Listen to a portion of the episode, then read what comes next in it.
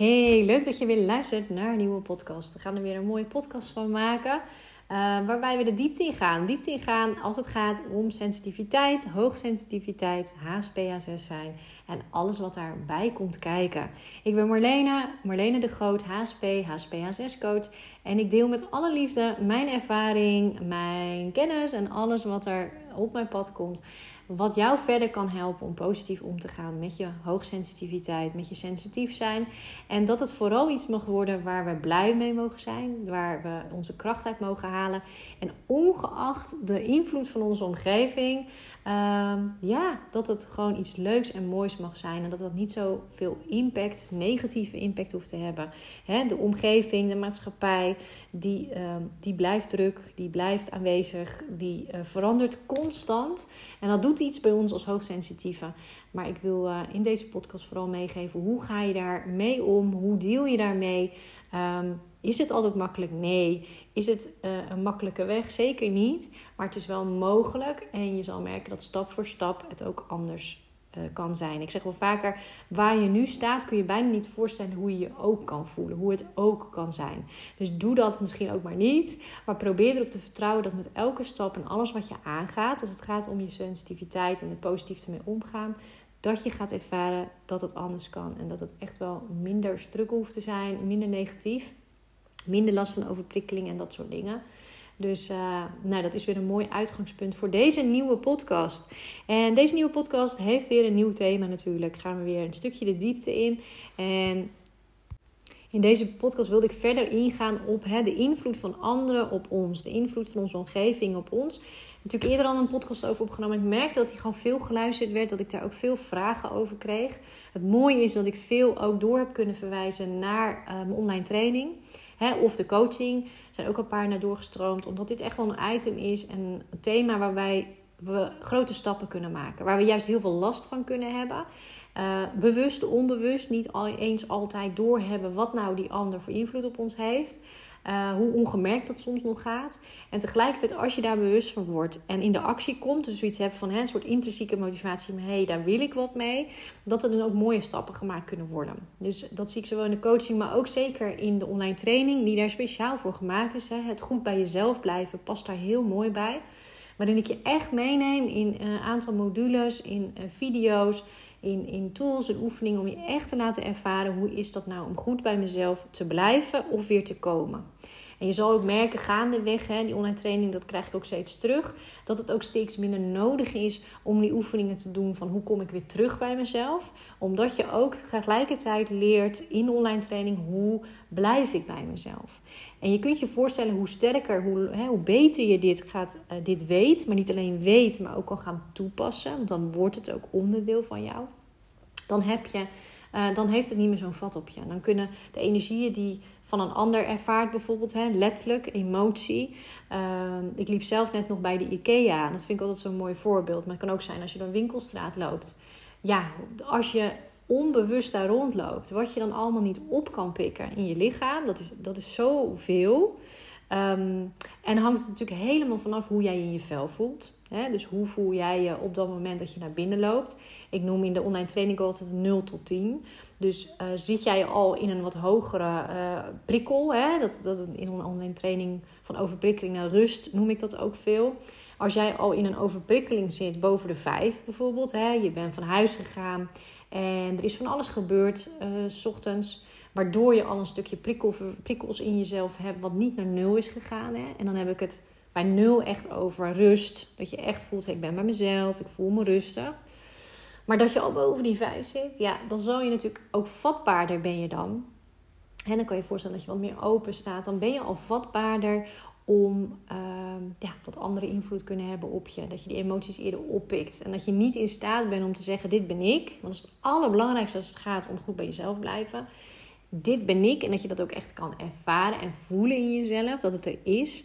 En dat je daarmee letterlijk zegt in energie: dit ben ik en dit is mijn energie. En daar begint pas de energie van de ander. En ik kies zelf of iets binnenkomt of niet.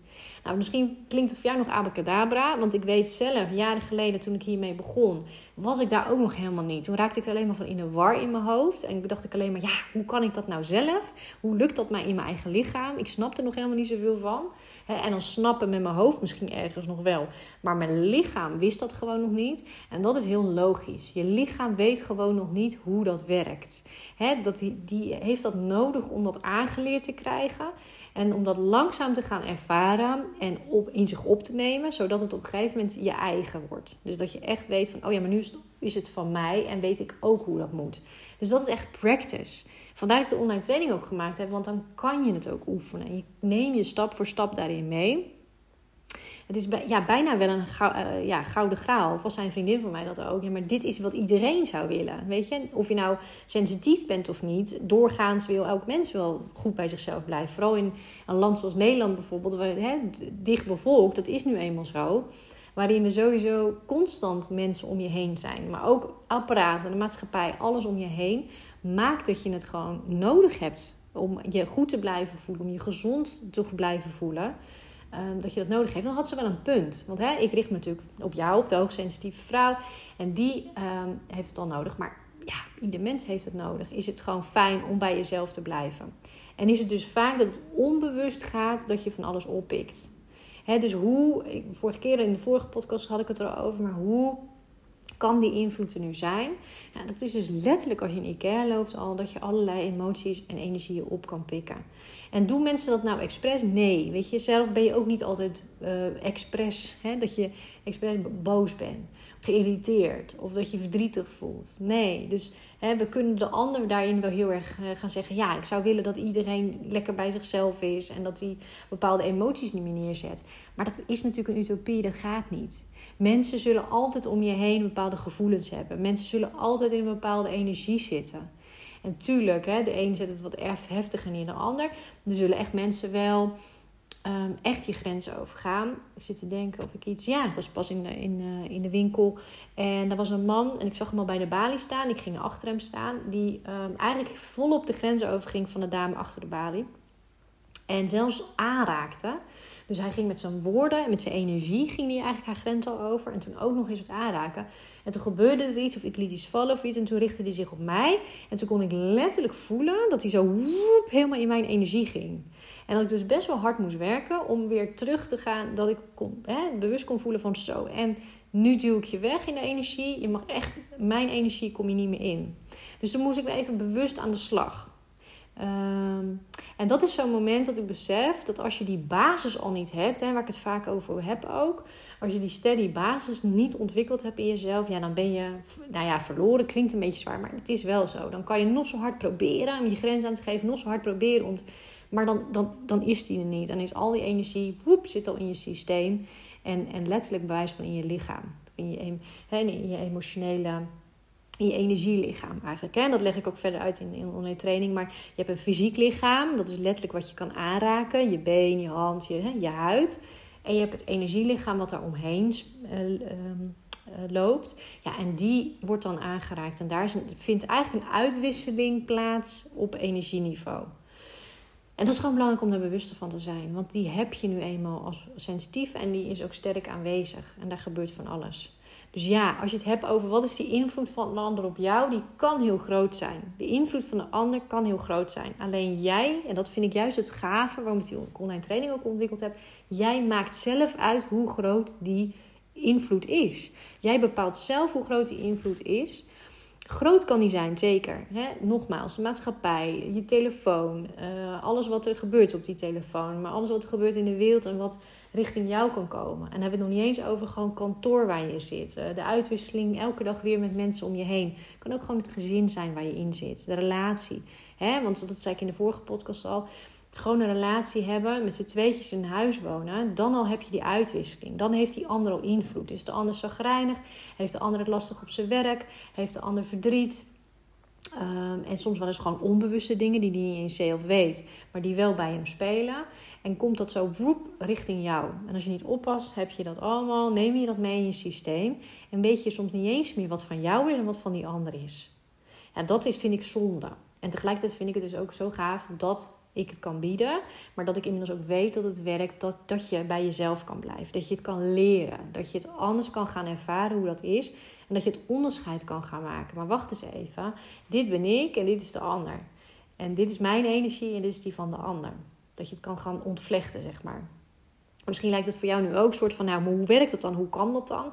Is, is hè, die invloed, het overweldigt me soms zo. Of ik heb het niet eens door wat nou van mij is of van die ander. Hoe ga ik dat ooit zien?